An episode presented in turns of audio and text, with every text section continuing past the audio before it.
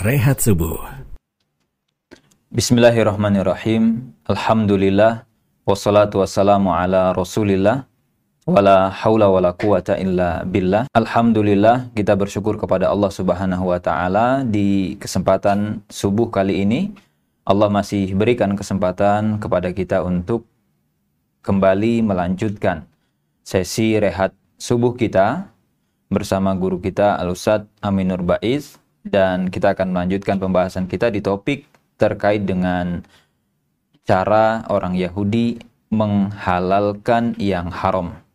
Baik, eh, kita sapa terlebih dahulu guru kita Al-Ustaz Aminur Baiz.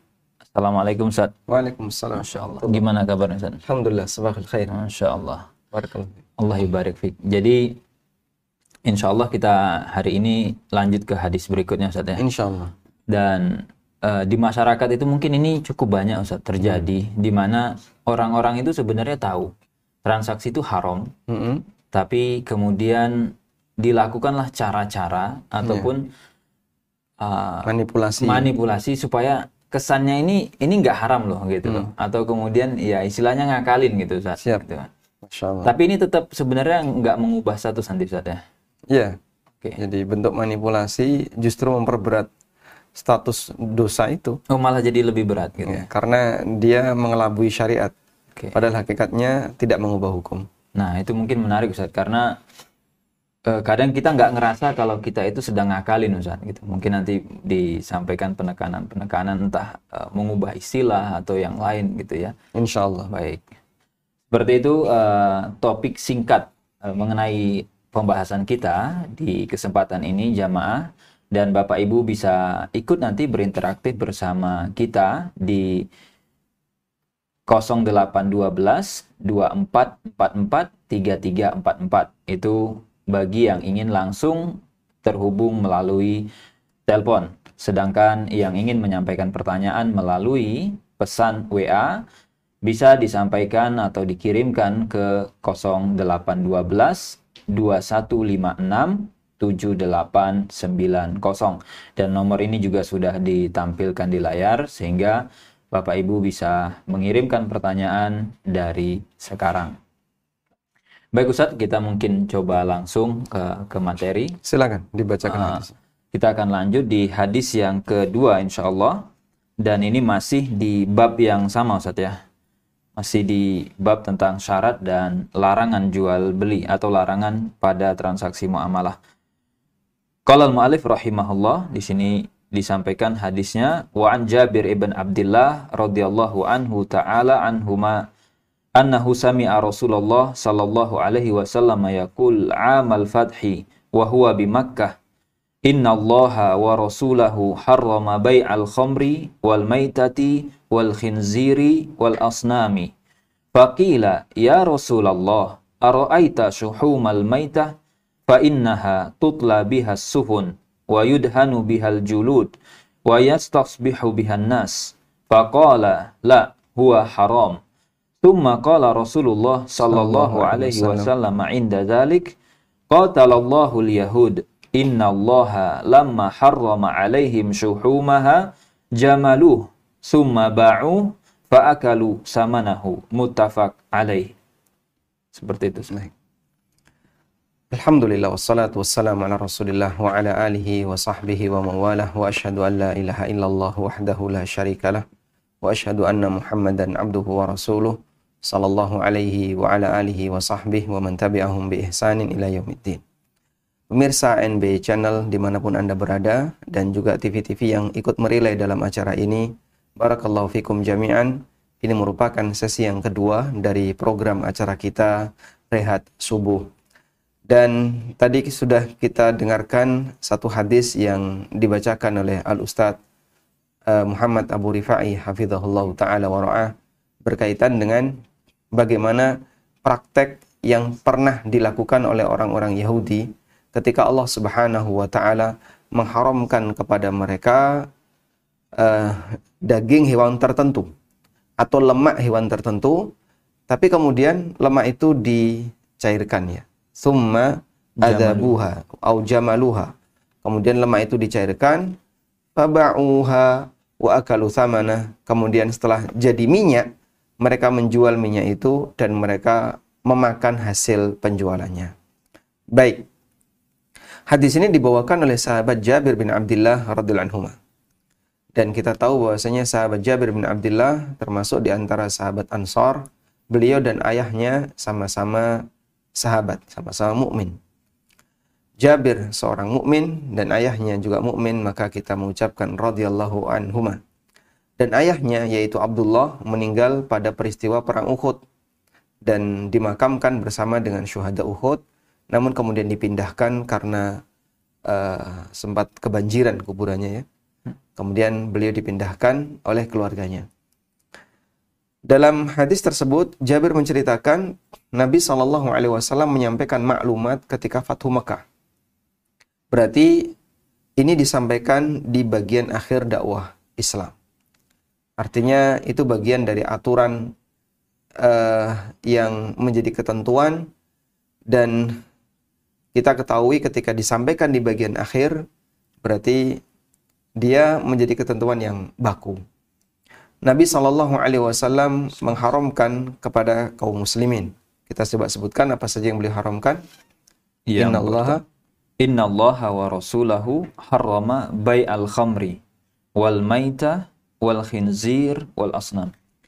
Inna Allah wa Rasulahu harrama bay al khamri wal maitati wal khinzir wal asnam. Sesungguhnya Allah Subhanahu wa taala mengharamkan jual beli khamr, jual beli bangkai, kemudian jual beli hewan babi. jual beli babi dan jual asnam. beli jual beli al asnam, jual beli uh, berhala.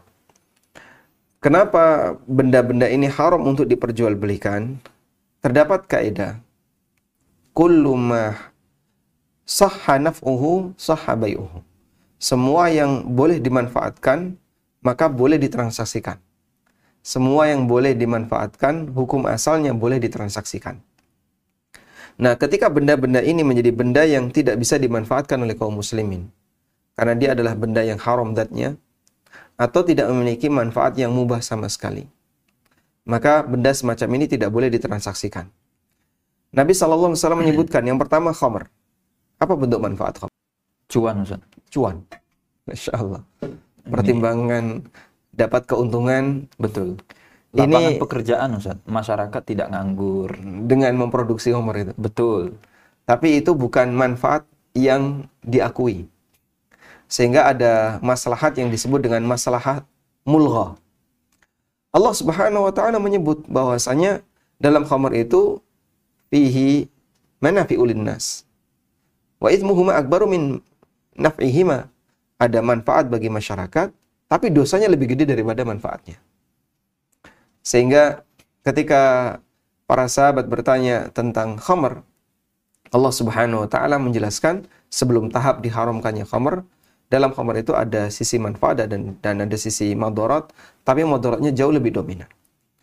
Ketika madaratnya jauh lebih dominan, maka sisi manfaatnya tidak diakui. Yang ini disebut dengan masalah al-mulgha. Dan bentuk manfaat khomer di situ bukan manfaat kesehatan.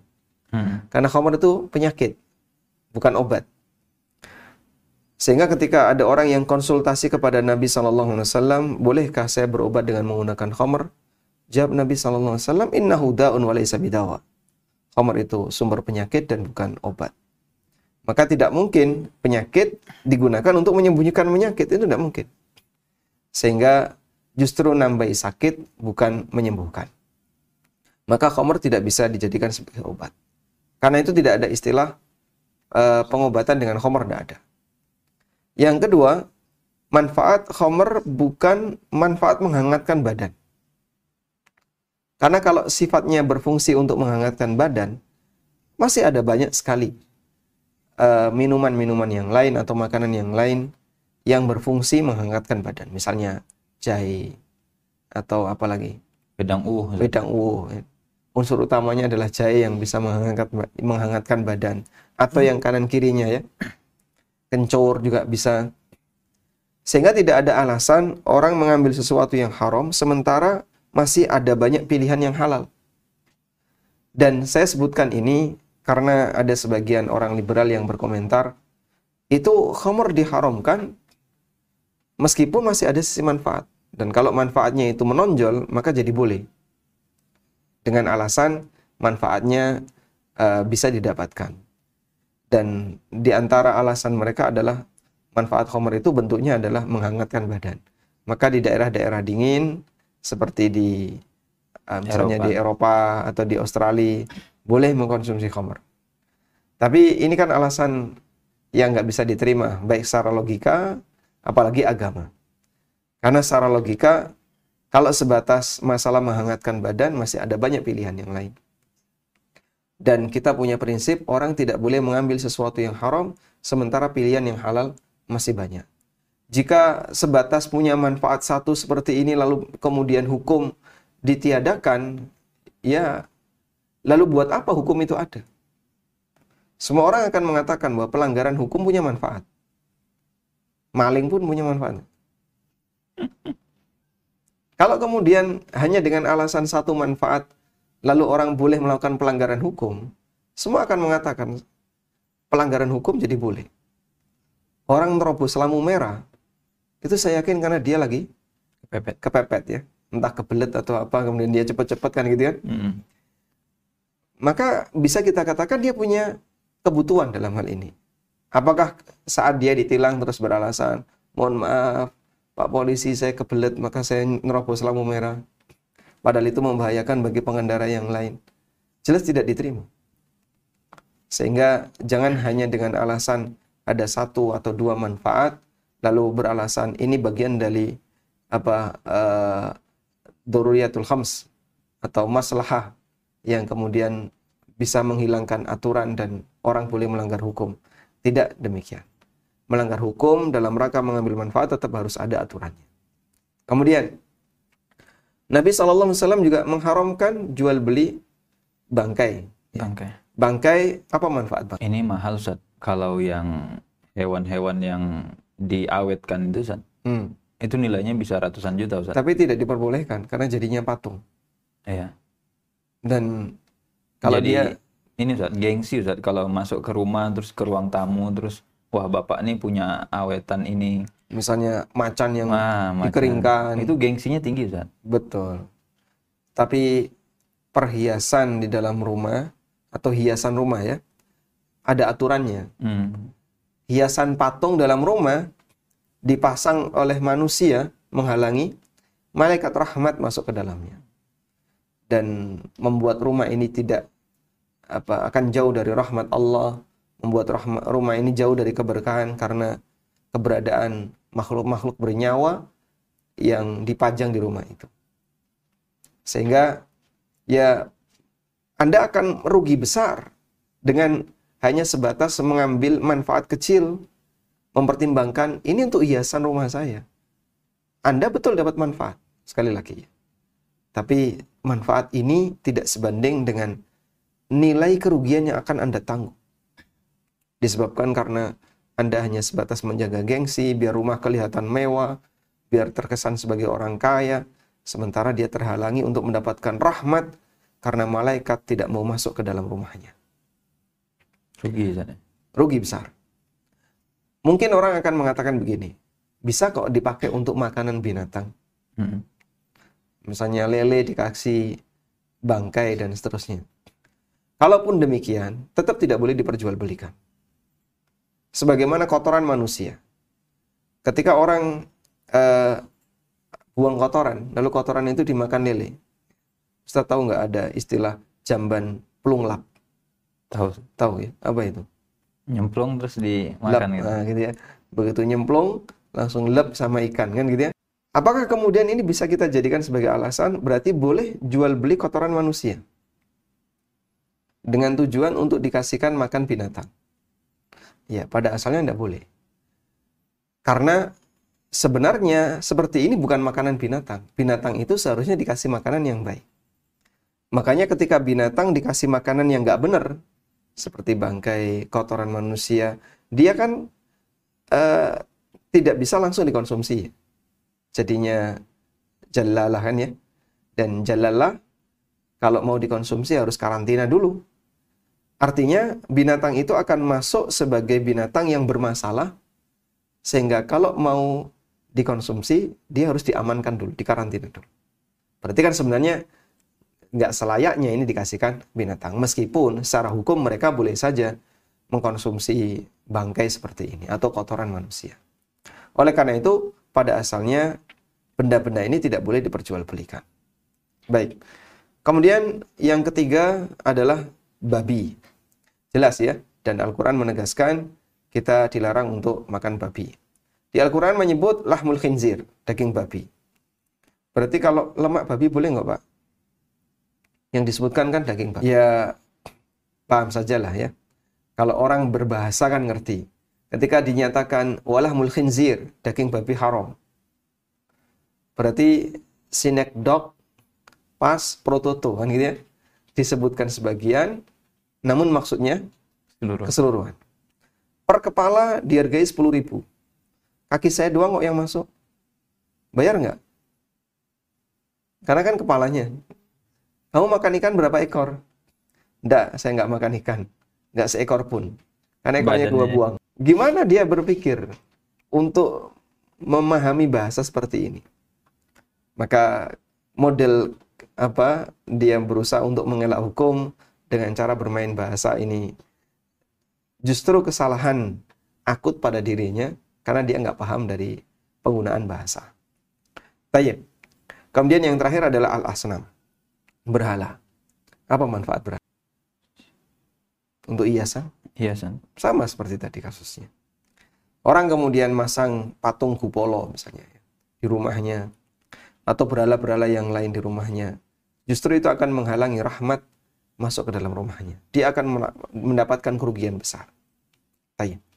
Lalu para sahabat bertanya, "Ya Rasulullah, ara'aita syuhumahuma?" Ya Rasulullah, bagaimana dengan lemaknya? Yang lemak bangkai atau lemak babi itu di masa silam dipakai untuk yutla bias sufun, dipakai untuk eh, apa? eh, ngecat perahu.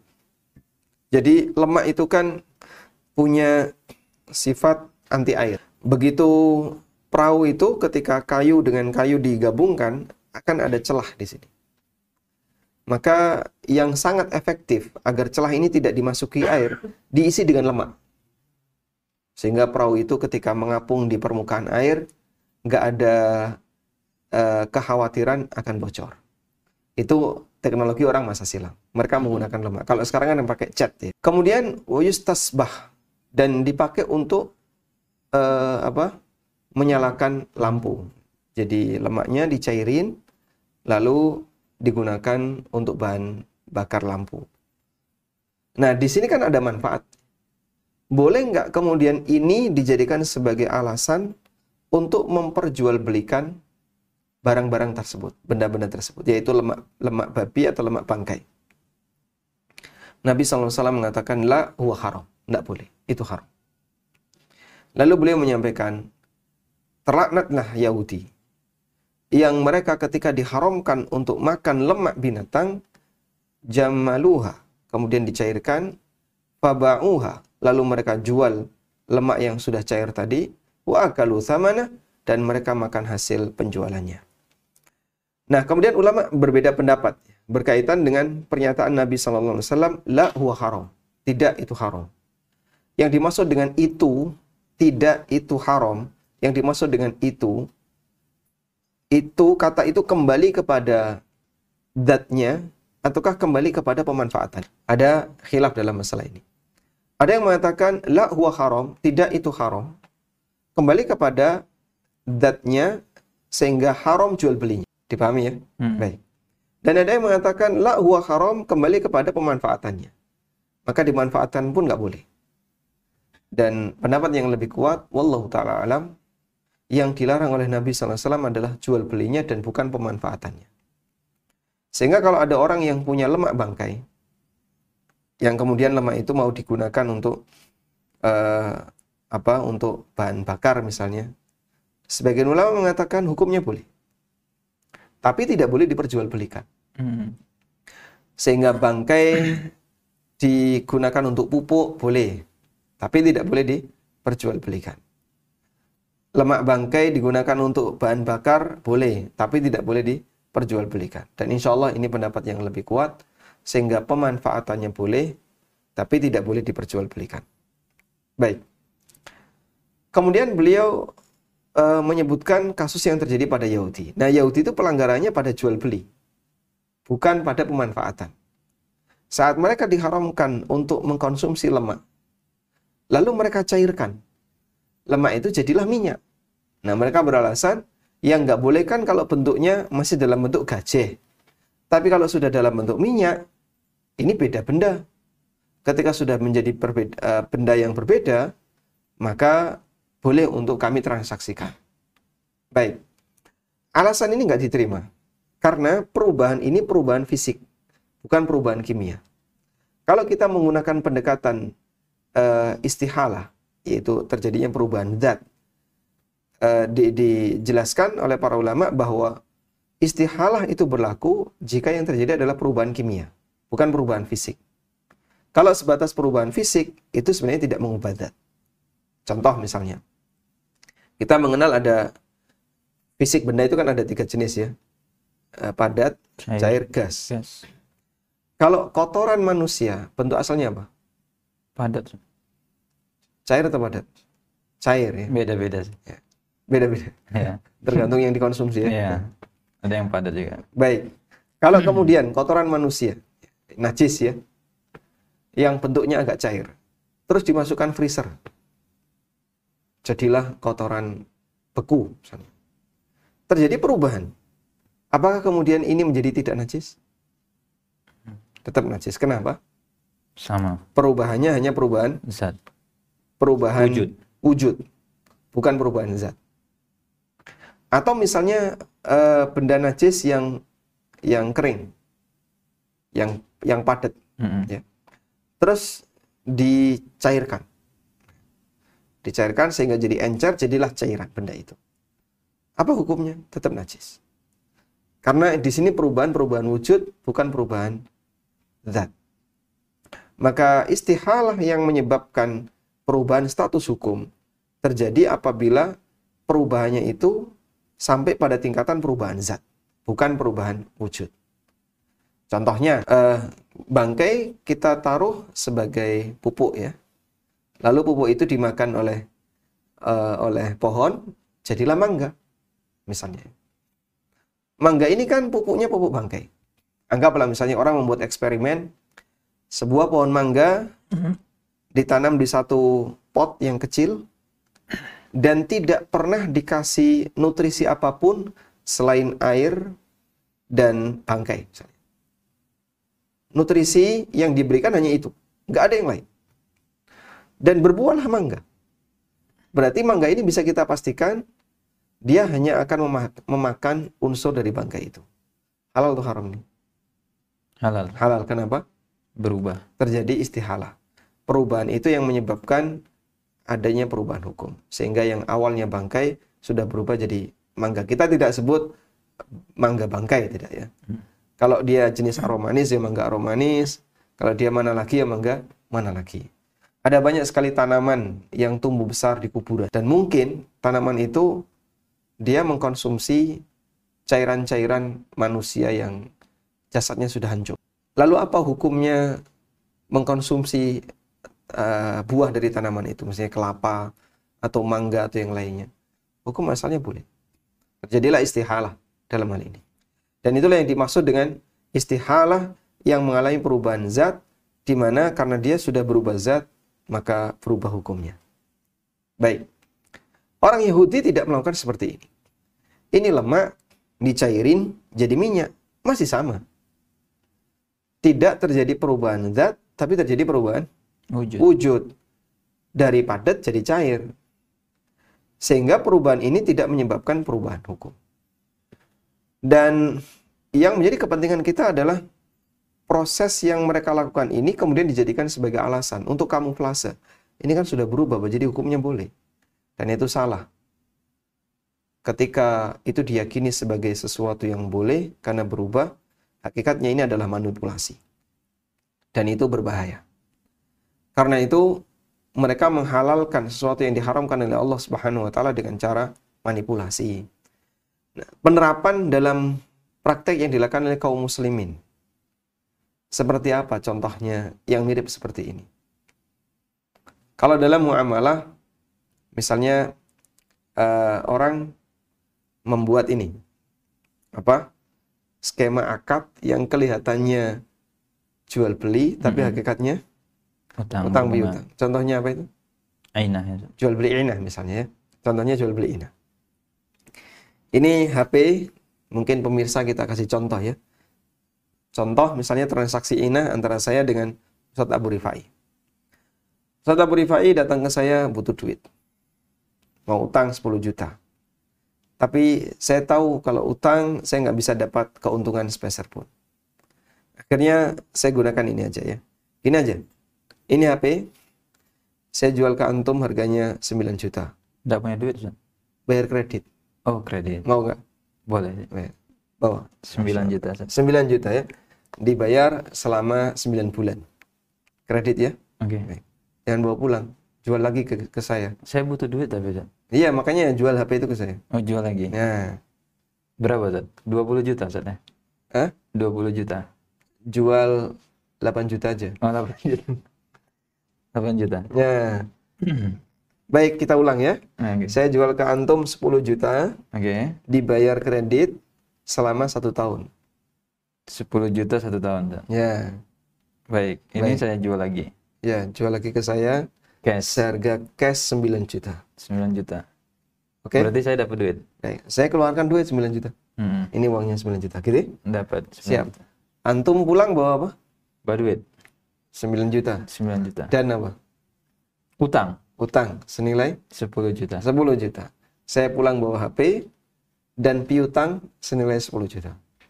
Berarti hakikatnya apa ini? Ngutangin. Utang piutang. Tapi seperti dibalut dengan adanya transaksi jual beli padahal sebenarnya yang terjadi adalah transaksi utang piutang. Makanya jual beli inah lebih dekat kepada kamuflase riba. Baik. Ada juga misalnya praktek yang lain disebut wadiah padahal sebenarnya bukan wadiah. Disebut A padahal sebenarnya bukan A dan seterusnya. Maka coba Anda lihat ya, kalau dalam memahami ini adalah lihat konsekuensi akad. Konsekuensi akad itulah yang menentukan jenis akad. Bukan namanya. Mau dikasih nama A, dikasih nama B. Kalau konsekuensinya ternyata berbeda dengan namanya, maka dikembalikan kepada hakikat. Ini bentuk kamuflase yang nampaknya transaksinya boleh, padahal sebenarnya transaksi itu bermasalah. Semua kamuflase dilarang nggak, Ustaz? Tergantung, Ustaz. Ada nggak bentuk kamuflase yang diperbolehkan? selama tidak menghalalkan yang haram mungkin tidak masalah. Alhamdulillah. Baik. Ada bentuk hilah yang diperbolehkan. Dan contoh kamuflase yang diperbolehkan itu yang terjadi yang diceritakan oleh Allah Subhanahu wa taala dalam Al-Qur'an yang terjadi pada Nabi Ayub alaihissalam. Waktu Nabi Ayub bersumpah beliau hendak memukul istrinya. Sebanyak berapa kali? Seratus kali. Maka Allah Subhanahu wa taala berfirman, eh, "Wa khudh biyadika dighsan fadrib biha wa la tahnath." Silahkan kamu ambil segenggam dari uh, apa? Dari Nanti. lidi ya. Yang jumlahnya 100, fadrib biha. Lalu pukulkan istrimu. Pukulkan ke istrimu. Wala tahnath dan jangan kau batalkan sumpah. Sehingga Allah ajarkan ketika Nabi Ayub pernah bersumpah akan memukul istrinya seratus kali. Dan Allah tahu istrinya ini orang baik. Maka Allah subhanahu wa ta'ala kasih solusi. Allah membela istrinya Nabi Ayub. Dan Allah kasih solusi. Tetap penuhi sumpahmu, jangan kau batalkan. Tapi gunakan cara yang berbeda. Kalau memukul 100 kali, misalnya pakai uh, pakai bambu misalnya 100 kali itu bisa berbahaya bagi fisik akhirnya Allah perintahkan kumpulkan 100 lidi pukulkan sekali ini sama dengan memukul dan itu apa ada bentuk hilah maka hilah seperti ini yang di, diajarkan oleh Allah sendiri kepada nabinya Nabi Ayub alaihissalam salah satu di antara contoh hilah yang diperbolehkan. Kamuflase atau bentuk manipulasi yang diperbolehkan, tapi di situ tidak mengubah hukum. Di situ sama sekali tidak mengubah hukum. Nah, kalau di zaman Rasulullah Shallallahu Alaihi Wasallam, bentuk hilah yang pernah terjadi adalah praktek yang dilakukan oleh Bilal. Ya, beliau membawa ke hadapan Rasulullah Shallallahu Alaihi Wasallam uh, satu wadah apa uh, kurma yang bagus. Akhirnya Nabi SAW bertanya, dari mana kau dapat kurma bagus ini? Bilal menyampaikan, ya Rasulullah, kami menukar kurma yang roti, kurma yang kurang bagus. Kalau disebut jelek kan kayaknya kurang sopan ya. Kami menukar kurma yang kurang bagus, dua mut atau dua sok mendapatkan kurma yang bagus satu sok. Jadi satu banding dua. Yang bagus dapat satu, yang dua ngasih dua, yang yang kurang bagus ngasih dua. Dan Nabi SAW mengatakan, Hada ainur riba. Itu praktek riba. Karena menukarkan kurma dengan kurma, sementara tidak kuantitasnya sama. tidak sama. Maka beliau Shallallahu Alaihi Wasallam mengajarkan, kau jual kurma yang kurang bagus tadi, lalu dapat uang, kemudian gunakan uangnya untuk membeli kurma yang bagus. Dengan cara seperti ini, hukumnya boleh. Tuh, berarti kan itu hilah. Betul. Tapi kamuflase ini tidak mengubah hukum. Karena transaksinya terjadi dua kali kan. Kurma bagus atau kurma kurang bagus ditukar dengan uang. Uang ditukar dengan kurma bagus. Ada dua kali transaksi lebih panjang tapi tidak mengubah hukum. Sehingga dia bisa mendapatkan kurma yang bagus tanpa dilakukan penukaran langsung dengan kurma yang kurang bagus. Yang ini kalau dilakukan menyebabkan ketika kuantitas yang berbeda terjadilah praktek riba. Jadi tidak semua kamuflase itu dilarang, ada bagian yang diperbolehkan selama itu tidak mengubah hukum, tapi kamuflase yang mengubah hukum itulah kamuflase yang tidak diperbolehkan. Wallahu taala. Baik, masya Allah. Jadi bobitnya itu atau kata kuncinya tadi dihilah yang terlarang itu ketika mengubah hukum Allah gitu saja. Ya? Nah, dari yang halal jadi haram atau yang haram jadi halal. Gitu. Baik. Kita mungkin langsung terima pertanyaan Ustaz ya dari pemirsa. Sekarang jam berapa itu? Sudah jam 6 Ustaz. Baik. Barangkali ada Baik, kayaknya ada yang mau disampaikan. Jeda terlebih dahulu. Silakan. Baik, pemirsa yang dirahmati oleh Allah Azza wa Jalla. Demikian untuk materi, nanti kita akan lanjut ke sesi berikutnya dengan interaktif dan tanya jawab. Tapi sebelum itu kita rehat sejenak dengan jeda berikut ini. Plan jadi, plan jadi AN Bestari Kunjungi link di bawah ini ya. Jasa Umullah Hairon. Baik, sekarang kita masuk ke sesi interaktif dan tanya jawab. Kepada para pemirsa ANB Channel yang ingin mengajukan pertanyaan bisa langsung menghubungi 0812 2444 3344 ini yang via interaktif dan jika ingin mengirimkan melalui pesan chat bisa langsung WA ke nomor 0812 2156 7890. Saya Kelihatannya ulangi. nomor yang kedua ini lebih mudah ya. Ya. Antum bisa baca gini 081 221 567890. Baik. Masya Berarti berurutan ya. Iya. 081 221 berikutnya adalah 5678 90. Baik, sekarang kita terima pertanyaan dari telepon, silahkan. Waalaikumsalam warahmatullahi wabarakatuh. Dengan siapa di mana Ibu? Dengan Umu Tadi di Bekasi. Baik, silahkan. Mau nanya pas uh, saya kan kesalahan di rumah ya. Misalkan kalau ngecat rambut, warnanya kan tidak blond. Tapi kalau rambutnya dia masih hitam kayak gitu, warnanya masih masih itu juga cuman kalau kita kan rambut putih baru nggak apa kita termasuk melalui gitu enggak Ustaz? Gimana? Dan misalkan kalau kayak posting rambut kayak tapi nggak dilihatin mukanya gitu boleh nggak? Boleh diulang Ibu, mohon maaf pertanyaannya kurang jelas. Iya misalnya kalau kayak posting rambut di kayak di status WhatsApp gitu. Posting Kayak rambut. misalkan udah posting yang kayak hasil warna gitu. Oh, Anda Ibu jualan Iya, semir iya. rambut. ya? jasa maksudnya Ibu ya? Ya, Ibunya jualan jasa semir rambut seperti itu? iya salon. Saya buka salon. Salon. Oh, salon. Hmm. Oke, terus Hmm. ini sedang promosi. Ya misalkan di posting di WA gitu dia di status. Tapi nggak dilihatin mukanya gitu. Boleh nggak? Oh, berarti Dan tidak di, tidak dilihatin muka, hanya rambut saja seperti itu ya? rambutnya saja dari belakang gitu. Dan Baik. kita fo- fotoin dari belakang. Baik. Ini yang diperlihatkan rambut perempuan berarti Ibu ya? Ya, contoh misalnya hasil warna, apa sih warna ini. Ah, Oke. Before afternya seperti itu ya? Baik, Ya. cukup Terus jelas. Yang tadi yang sakit yang ini yang kalau warna saffron, tapi kalau maksudnya masih ada hitam apa itu boleh. Tapi mana warnanya saffron gitu. Oke. Coklat tua seperti itu ya? Ada kata orang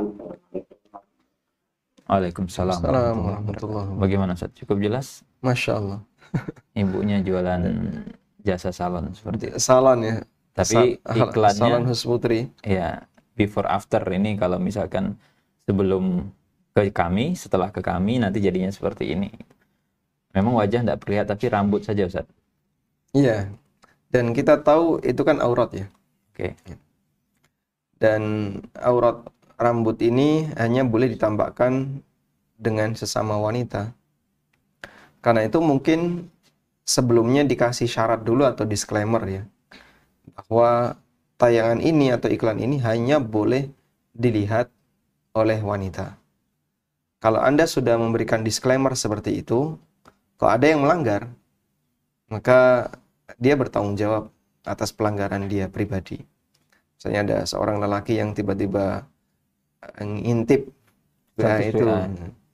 Kemudian dia pinjam HP istrinya terus dia lihatin padahal itu adalah ruangan milik perempuan, maka dia melakukan pelanggaran pribadi dan Anda sudah lepas tangan. Sebab di ruang publik seperti itu ya, terutama medsos, kita kan sangat sulit untuk membatasi secara fisik.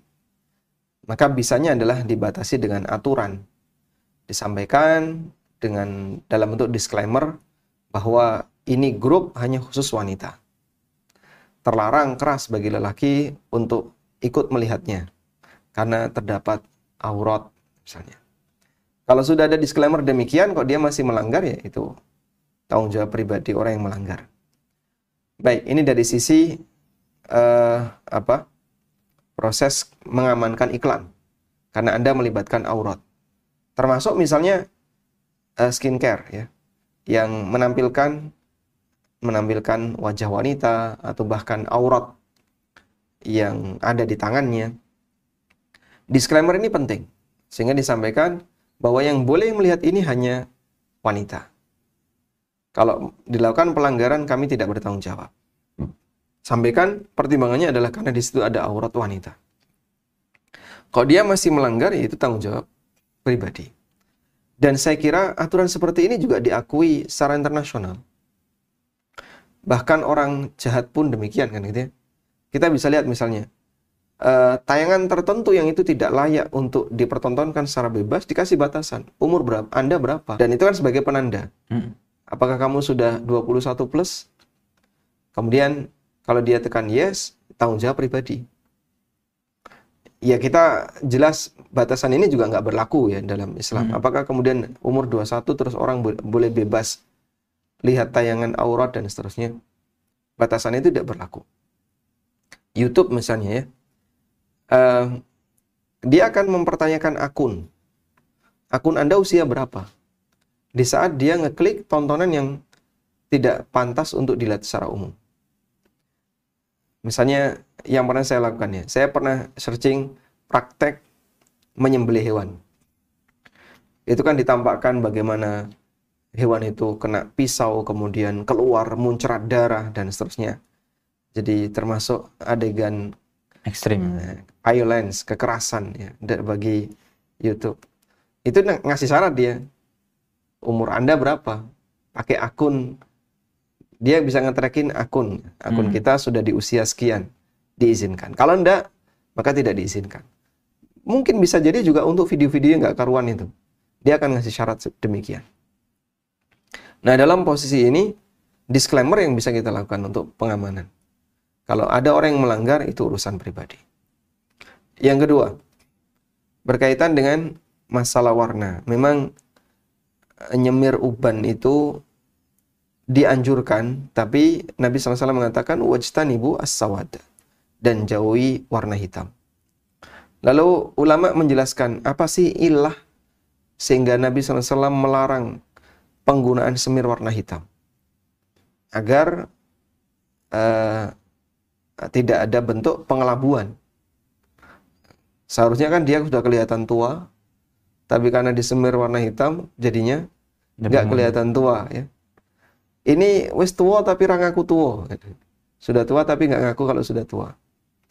Jadinya rambutnya disemir warna hitam. Ilahnya ternyata di situ. Ada bentuk pengelabuan. Dan praktek zaman jahiliyah itu kayak gitu. Dan dan itu sampai pada tingkatan mengelabui. Dan itu tidak boleh. Dan dan itu boleh. Tapi kalau sudah sampai pada tingkatan mengelabui tidak boleh. Contohnya adalah uh, ngikir gigi. Bukan ngasih kawat gigi ya. Gigi dikikir. Mereka punya anggapan begini. Gigi yang kecil-kecil itu muda, masih muda orangnya. Sehingga sampai banyak wanita-wanita tua gitu di masa jahiliyah yang mereka itu ngerek giginya, dikikir sampai akhirnya ada renggang-renggang dikit. Nah, ketika giginya masih kelihatan renggang, maka dia dianggap masih muda. Padahal sebenarnya dia sudah tua. Model itulah yang dilarang dalam syariat. Makanya tato itu tidak boleh. Kemudian uh, apa menyambung rambut tidak boleh. Karena itu semuanya adalah bentuk pengelabuan. Sampai ada seorang wanita yang dia sakit, kemudian rambutnya banyak rontok. Saat dia menikah, ibunya minta izin kepada Nabi SAW untuk memasang rambut palsu, biar kelihatan lebih cantik untuk wanita ini. Tapi dilarang oleh Nabi SAW. La'anallahu al-wasilat wal mustausilat. Allah melaknat orang yang menyambung rambut dan yang minta disambungkan rambutnya. Nah sekarang kalau warnanya selain hitam tapi lebih mirip hitam. Boleh atau tidak? Wallahu alam. Kalau mendekati hitam tidak boleh. Karena ilahnya sama. Pengelabuan. Jadi nggak kelihatan beruban. Wis tua tapi ireng kabeh rambutnya. Ya. Sudah tua tapi kelihatan hitam semua. Tapi kalau warna selain hitamnya lebih dominan, misalnya brown, sehingga rasa coklatnya masih kelihatan meskipun coklatnya coklat gosong coklat apa coklat matang ya coklat gelap tadi tua ada coklat muda mungkin kelihatan. Eh, jadi dark nanti jadi hitam ya. pokoknya yang penting jangan mendekati hitam coklatnya masih kelihatan sawo matang mm -hmm. ya kayak mungkin warna kulit saya gini yang nampak ya insya Allah tidak masalah selama masih kelihatan warna selain hitam. Wallahu a'lam. Baik, masya Allah. Jazakallah khair Ustaz. Uh, kita lanjut ke Ini ada tambahan pertanyaan saja. Masya Allah. Kita akan lanjut insya Allah dari penanya berikutnya. Kita persilahkan. Bismillahirrahmanirrahim. Izin Anda bertanya. Baik, silahkan Ibu. Karena seorang dokter anak dalam prakteknya kami ada beberapa vaksin yang memang vaksin ini impor dan sudah masuk di Indonesia dalam kemasannya tertulis tidak mengandung babi, eh mengandung babi apa? Tetapi kalau dari pemerintah sudah mengeluarkan uh, halal apa hafal MUI, bagaimana sikap kita uh, kepada pasien. apakah kita merekomendasikan atau lebih baik memilih ada pilihan yang lain nggak kira-kira selain uh, yang tersedia? Ada tapi sedikit berbeda, Pak. Hmm. Ada satu kandungan yang dia memang setiap ada vaksin ini maka pasti ada tulisan itu. Ini vaksin varicella. Eh, artinya Kemudian, begini, uh, tadi Anda sampaikan ada pilihan lain tapi berbeda. Bedanya itu signifikan nggak? Ya, berbedanya signifikan karena ada satu komponen yang tidak ada di vaksin vaksin. Hmm signifikan dari sisi komponen atau dari sisi nilai nilai pengaruh? Komponen. Komponen ya. Tapi kalau ya. hasilnya pengaruhnya kurang lebih sama atau beda? Uh, misalnya yang satu terdiri dari dua penyakit yang divaksin, yang satu ada tambahan satu penyakit yang bisa dicegah begitu. Hmm. Kemudian pertanyaan kedua boleh pemberian secara singkat saja bagaimana hukumnya pemberian hadiah atau reward dari pabrik obat atas ucapan terima kasih kerjasama pengeluaran obat tersebut. Apakah, ter, apakah dana tersebut halal atau benda tersebut halal atau tidak? Rewardnya kepada Anda pribadi atau perusahaan? Kepada pribadi. Baik. Nah, sekian kita jazakallah jazakumullah khairan katsiran. Assalamualaikum warahmatullahi wabarakatuh. Assalamualaikum warahmatullahi wabarakatuh. Masya Allah Ustaz. Gimana? Pendekatan istihalatun najasa apakah berlaku di situ? Antum sudah pernah uh, dapat keterangan tentang perubahan yang terjadi pada proses pembentukan vaksin? Di tengah belum sih. Ada mungkin teman-teman dokter ya yang barangkali pernah belajar tentang bagaimana proses pembuatan vaksin nanti bisa kita minta referensi untuk itu. Taib, tapi prinsipnya begini ya. Um, tadi penanya menyampaikan, ibu menyampaikan bahwa di situ sudah ada label halal MUI ya sebagai masyarakat yang kita hanya bertanggung jawab pada posisi sudah ada keterangan dari para ulama bahwasanya di sini halal misalnya. Mungkin tanggung jawab dia hanya sampai di situ. Dalam arti saya nggak tahu di balik ini ada apa. Misalnya dipahami oleh para ulama ini sudah terjadi istihalatun najasa, perubahan najis. Betul ada kandungan babi, tapi kandungan babi itu sudah berubah menjadi zat yang lain. Lalu melalui itu difatwakan ini halal atau di, disimpulkan ini halal. Kemudian kita sebagai masyarakat awam yang tidak tahu penelitian di balik itu menerima Wallahu alam semoga ini sudah menggugurkan tanggung jawab kita. Namun kalau misalnya pertimbangannya dari sisi nilai keraguan, saya kok masih belum serak. Saya masih punya keraguan yang cukup dominan. Jangan-jangan belum terjadi perubahan zat. Apalagi Anda sendiri punya bukti. Misalnya Anda pernah dapat informasi dari teman yang meneliti seperti itu bahwasanya betul bahwasanya unsur babi itu ada dan dia tidak mengalami perubahan zat. Kalau kemudian Anda punya bukti itu dan itu cukup kuat, maka insya Allah ini bisa jadikan sebagai landasan. Tapi kalau kita sama-sama nggak punya bukti, saya sendiri nggak tahu bagaimana prosesnya, Anda juga nggak punya bukti apakah sudah terjadi perubahan zat atau tidak, dan di sini sudah ada label halal, Insya Allah kita kembalikan ke sini. Bagi masyarakat awam boleh dikembalikan ke sini. Ini dengan pertimbangan jika pemberian itu memang sangat dibutuhkan.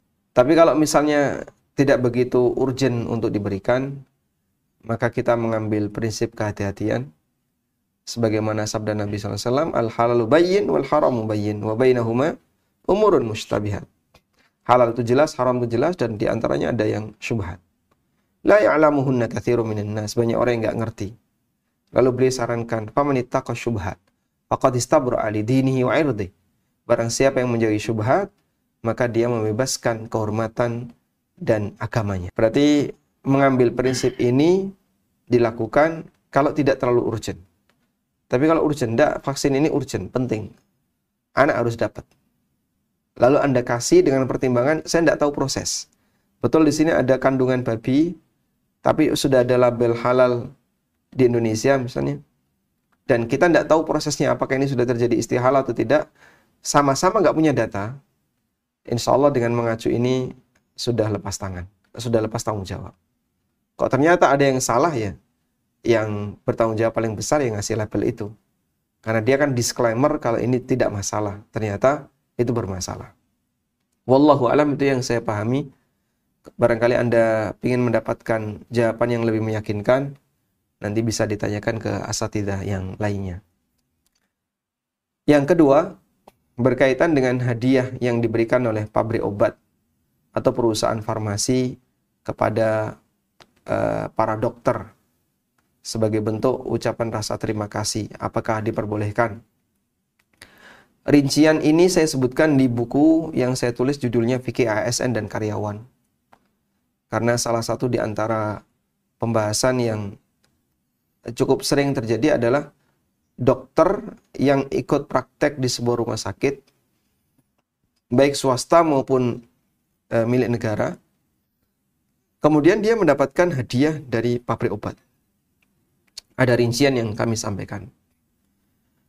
Dan di situ saya mengutip keterangan uh, Syekh uh, Al-Majid hafizahullah taala dan Dr. Fayyad, beliau dari Mesir kalau tidak salah. Ya. Salah satu dosen yang ada di Mesir.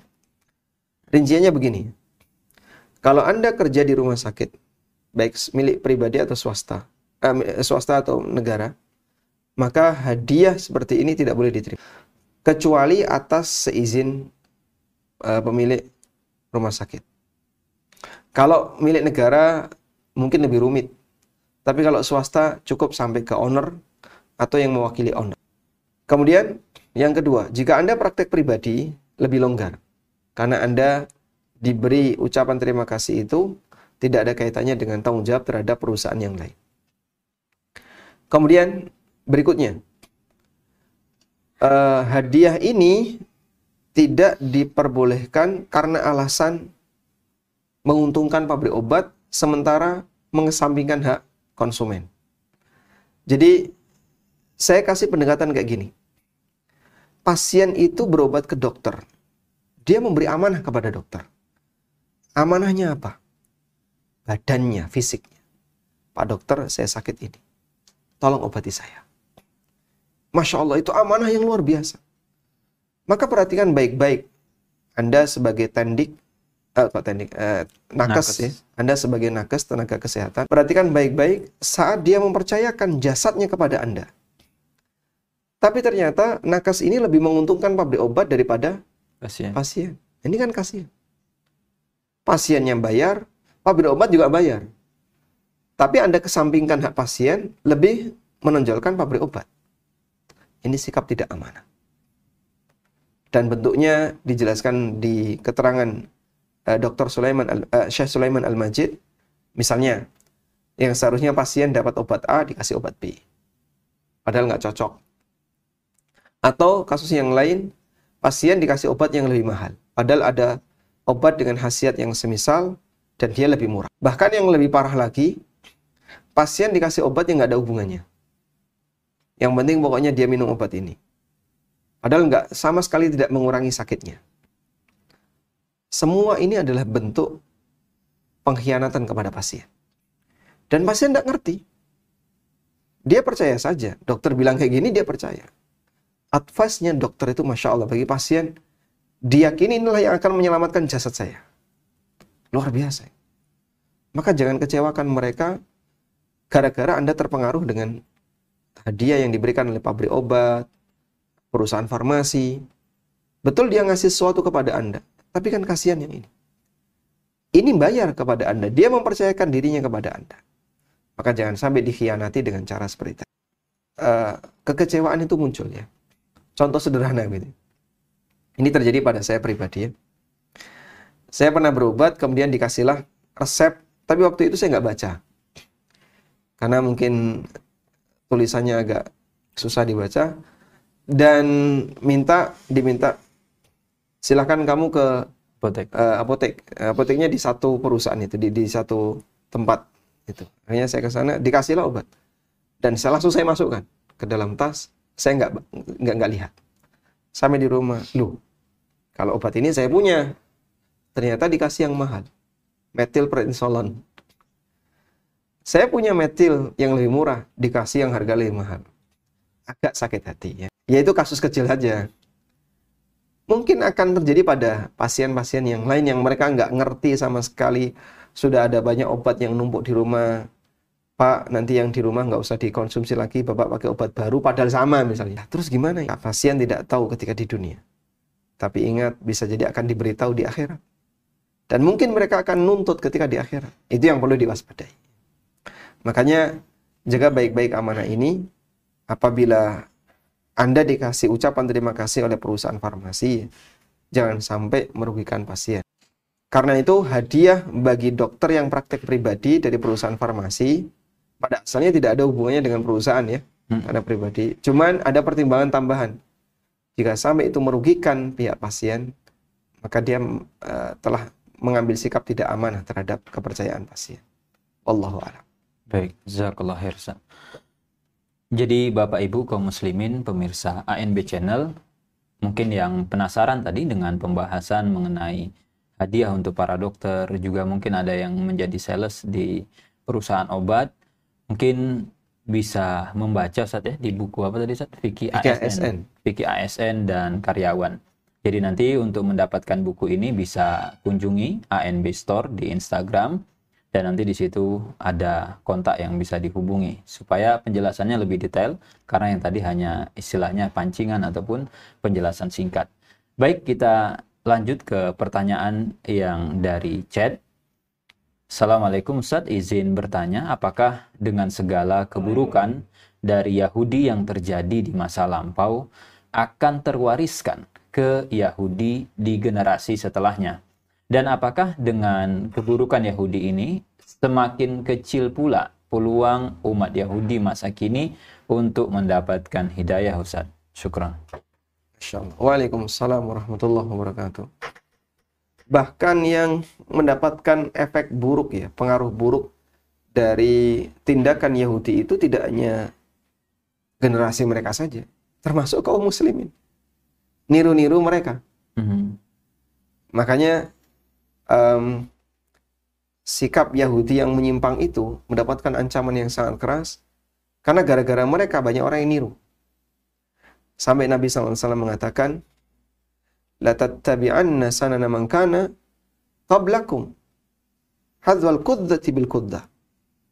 Sungguh kalian akan mengikuti kebiasaan orang-orang yang menyimpang sebelum kalian. Sebagaimana layaknya uh, sayap yang ada pada anak panah ya. Anak panah itu kan dikasih sayap kanan kirinya di belakang. Persis, nggak boleh ada yang lebih besar. Saking persisnya sampai digambarkan dengan itu.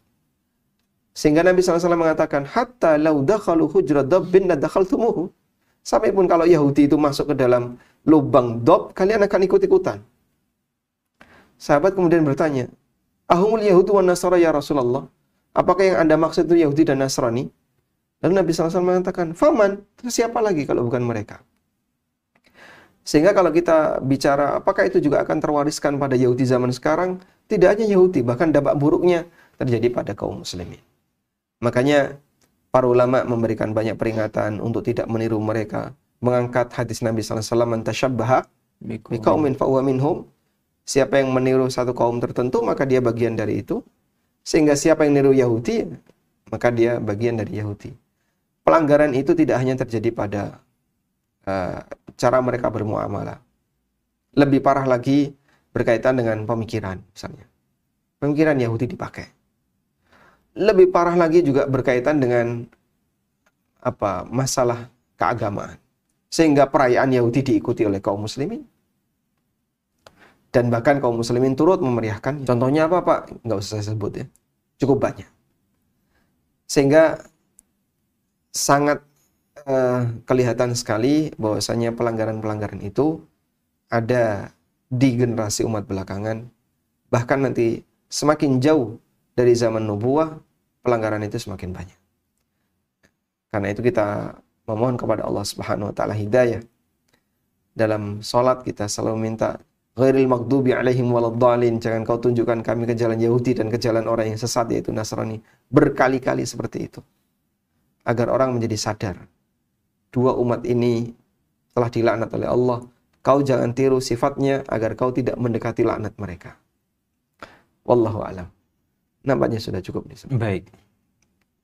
Mungkin closing statement Ustaz uh, selain doa sebagai penutup, mungkin apa yang kita perlu lakukan sebagai kaum muslimin supaya kita tidak terjebak dengan sifat-sifat Yahudi tadi Ustaz atau Nasrani.